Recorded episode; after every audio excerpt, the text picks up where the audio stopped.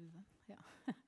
ja jeg, mens han rigger til, så kan jeg jo fortelle litt om hvem jeg er, da, siden jeg ble utfordra på det. Jeg har vært på besøk her noen ganger. Ikke stått framme. Det det er første gangen i dag. Men jeg heter Astrid Mangelrød Andersson, og jeg kommer ifra Kvelde. Og eh, der, eh, det er derfra navnet mitt er, da. Men Andersson har jeg fått for 30 år siden, da jeg traff en svenske. jeg, eh, som barn gikk, jeg, gikk, vi på bedehuset i kveld. Og så eh, blei det sånn etter hvert at jeg gikk eh, på misjonsskolen sammen med Torunn Haukvik Minnesjord, som sikkert mange av dere kjenner, som er min gode venninne. da. Og vi har fulgt hverandre, selv om jeg ikke har vært i Etiopia. Jeg har vært i Kenya i to perioder. Jeg uh, kom hjem i 91. Og så bodde jeg noen år i Sverige når vi hadde gifta oss. Og mannen min han er pinsevenn, så jeg har blitt ganske økumenisk med åra. uh, og så reiste vi tilbake til Afrika på, på slutten av 90-tallet. Da var det gjennom Ungdom i oppdrag. Og var der i tre år. Så jeg har litt forskjellig erfaring fra Afrika. Men nå er vi her, og nå skal jeg prøve å dele noen tanker mens jeg, jeg liker så godt å tegne. Så hvis dere vil se, så er dere nesten nødt til å sette dere der. Eller så kan dere bare kikke etterpå. Det er opp til dere. Når jeg bodde i Pokot i Kenya, eh, et sted som heter Shesta Det er en del som har vært faktisk på tur der, men eh, det er i hvert fall et sted som det er veldig varmt. Det kan være oppimot 40 varmegrader i skyggen i varmetida. Men ofte så var det sånn mellom 30 og 35-36. Og da, når det var mange måneder uten regn, så tørka alt. Det var forferdelig vissent og tørt og dødt overalt. Ikke én blomst, ikke, ikke friske blader på noen trær. Alt var nesten som en ørken. Men så en dag når jeg, Det var første året jeg bodde akkurat der. Så fikk jeg se en plante i utkanten. Nå er den litt tynn. Jeg vet ikke om dere ser det? Ja. Eh, en, en, plante som jeg hadde sett før. Den hadde nokså tjukke greiner. Som, som, vekste i utkanten av, av tomta. Litt sånn buskete. Kjedelig sånn grå bark og, og tjukke kvister. Og ikke noe, ikke noe, ved den. Men den dagen, den morgenen som jeg gikk en liten runde mens sola enda ikke hadde kommet opp, så ble jeg så overraska. For plutselig, på bar grein, så var det noen aldeles nydelige blomster. Nå blir ikke dette veldig praktfull tegning, for det går litt fort. Men dere ser at det var røde blomster. De det var djupe klokker og nydelige støvbærere som kom ut her. Og jeg tenkte hvordan i all verden kan den blomstre? Men jeg visste det jo, jeg skjønte jo det, at den måtte ha noen veldig djupe røtter. De har jeg aldri sjekka ut, men de skjønner jo alle at planter som kan blomstre når det er så varmt og så tørt, de må ha kontakt med vannet. Og i dag så skal vi Så skal vi se på en, et lite avsnitt i Bibelen som er dagens tekst. Og der bruker Jesus et bilde. Det gjør Jesus ofte. Han, han sammenligner livet med, med, bilder, altså med noe som kan ligne på det. Og i Johannes 15 så sier han at 'jeg er vintreet, og dere er greinene'. Og et vintre har vi ikke så mye her i Norge, men nedover i Europa er det sånne hele gårder med vintre. Og de, der er det også greiner, men de vokser ut ifra en stokk. Altså en sånn hoved Ikke akkurat en stamme, men det, er sånn, det greiner seg ut. Og så kan de bli veldig store, sånn at det fører Så de må, de må, eh, hei, det må være sånn stillas, for da kommer druene. Og de, de store, kan komme i store, fine klaser som henger ned. Så den som plukker de, ser at det er frukt.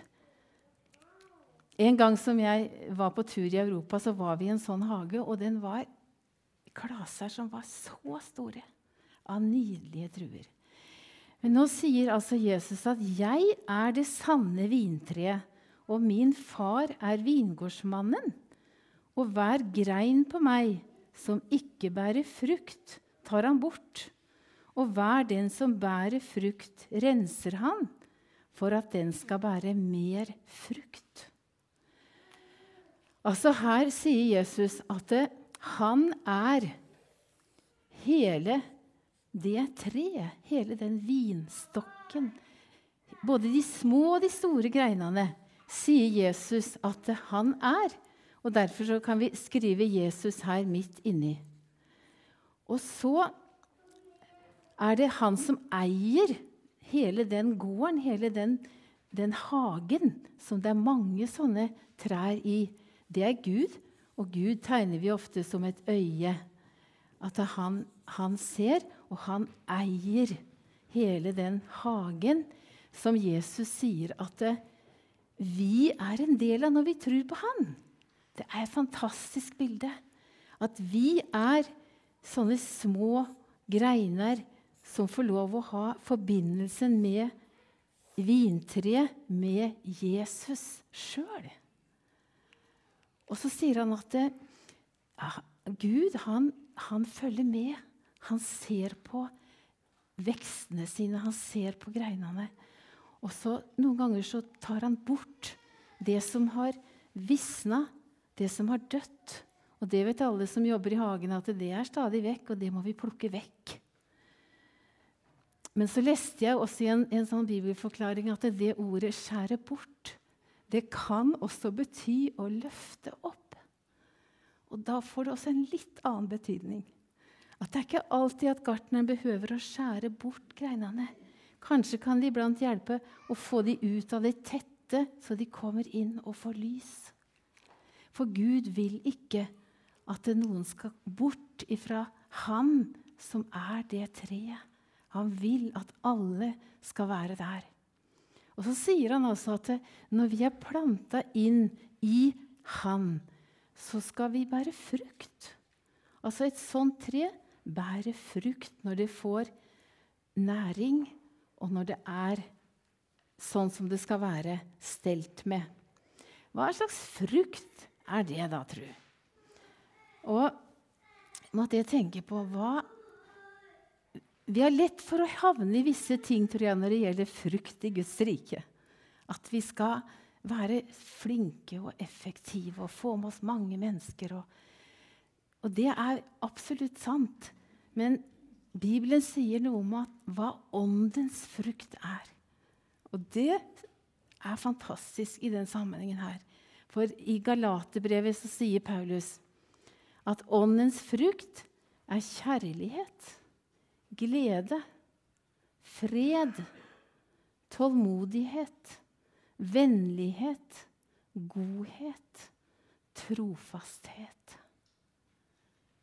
Det er de fruktene som Jesus gjør med sine når vi lever hos ham. Og hvordan, hvordan kan vi virkelig bli For nå, da sier han Eh, videre at, eh, at vi skal bli i Han.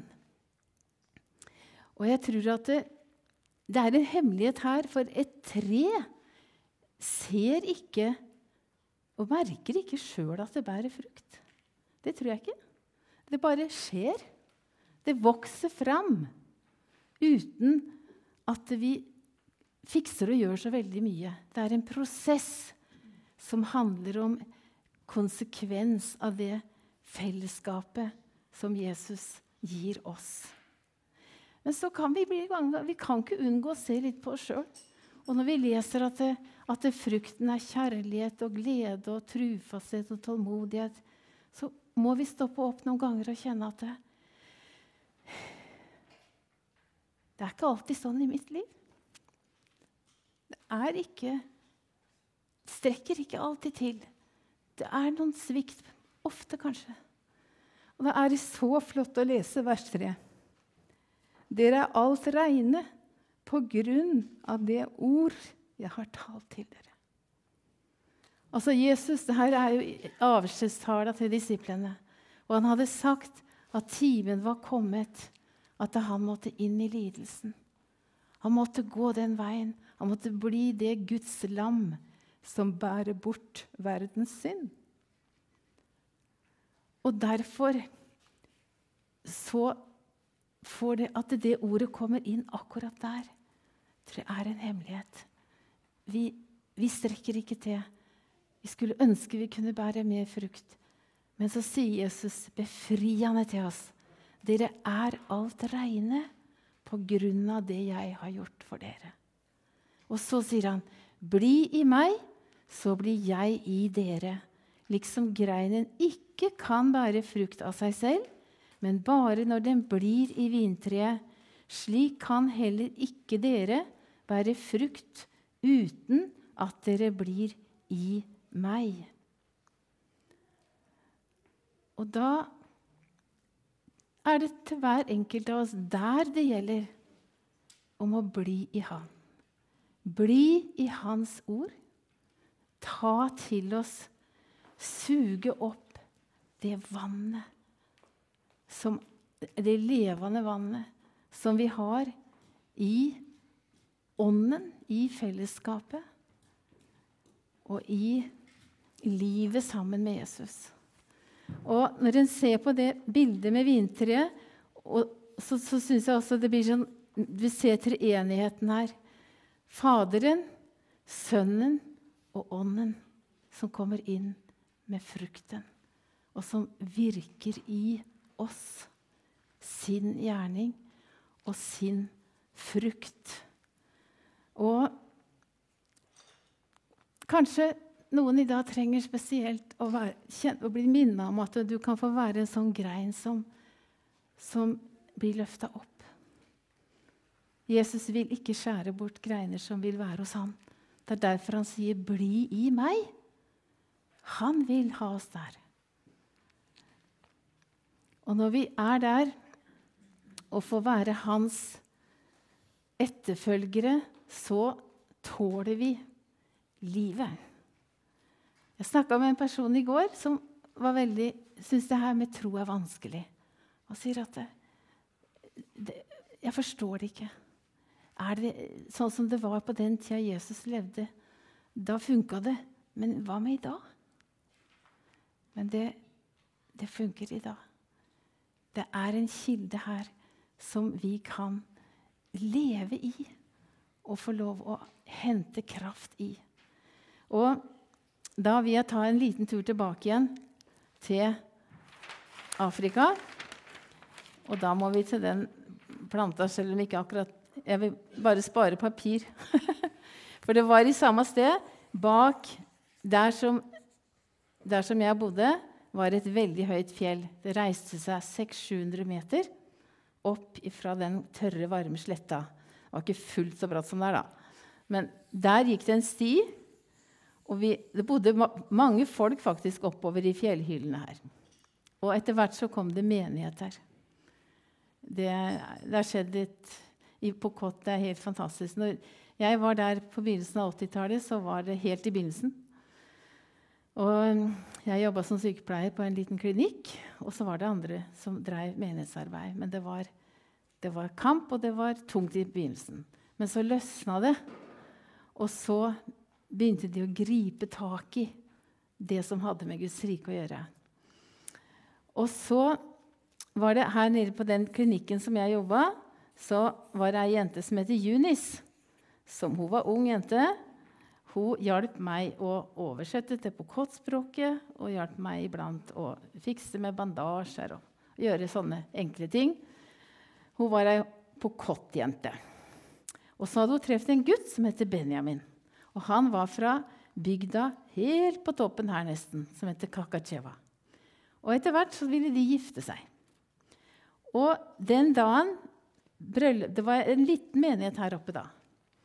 Da gikk eh, vi som, han som skulle vie dem, han og en norsk misjonær, og hans familie, som da, de hadde to barn, og de hadde ei jente som var fem år. Hun er jeg fadder på. Hun gikk trufast opp den bratte Det tok mange timer. Så vi starta tidlig, og så var vi her og feira bryllup for Benjamin og Junis. Og De starta en liten kristen familie. De trodde på Jesus. Men så skjedde det noe dramatisk. At Benjamin fikk en veldig alvorlig form for malaria, og han døde. Og Der satt Junis. Da var hun gravid, og etter hvert så fikk hun en liten baby. Og livet var ikke så enkelt. Men hun hadde lært hvor hun skulle gå. Hun kjente Jesus, selv om det var vaklende begynnelse, så hadde hun, visste hun at det var veien å gå. Etter hvert så møtte hun en ny mann. Han var mye gamlere enn henne, men hun så ikke noe annen råd. Og hun fikk tre unger til med han, og han, en, han drakk opp det de hadde av penger. Så Junis har hatt et vanskelig liv. Hun er en av de som jeg har, har jeg lager en kalender ved juletid. Og noen av de pengene har hjulpet Junis med hvert år. Så hun skal få litt skolepenger til barna sine. Så livet har ikke vært lett for henne. Men sånn er det jo. Vi møter motgang på ulike måter. Og når vi ser ut på verden i dag, så er det mange mennesker som, som må bære tungt, også fordi de bekjenner navnet Jesus. Men vi har vi har et sted der vi hører til, sånn som livet er. Vi får lov til å være i Jesus Kristus. Og så står det i, i vers eh, 6 og 7 om noen ikke blir i meg, for han tvinger ingen til å bli værende. Da kastes han ut som en grein og visner, og de samler dem sammen og kaster dem på ilden, og de brenner. Men dersom dere blir i meg, og mine ord blir i dere. Da be om hva dere vil, og dere skal få det. I dette er min far herliggjort, at dere bærer mye frukt, og dere skal bli mine disipler. Et fantastisk løfte. Der får vi lov å leve. Der får vi lov å være. Bli i meg, så blir jeg i dere, sier Jesus. Vi takker deg, Far i himmelen, for at du er i oss, og vi får lov å være i deg. Vi som har fått tatt imot deg inn i våre liv. Vi ber at du skal velsigne og hjelpe oss til at vi tar til oss næring, at vi lever i fellesskap med deg, og at vi skal få lov å bli mer kjent med deg i tida som kommer. Vil du velsigne menigheten her? Velsigne små og store i ditt navn.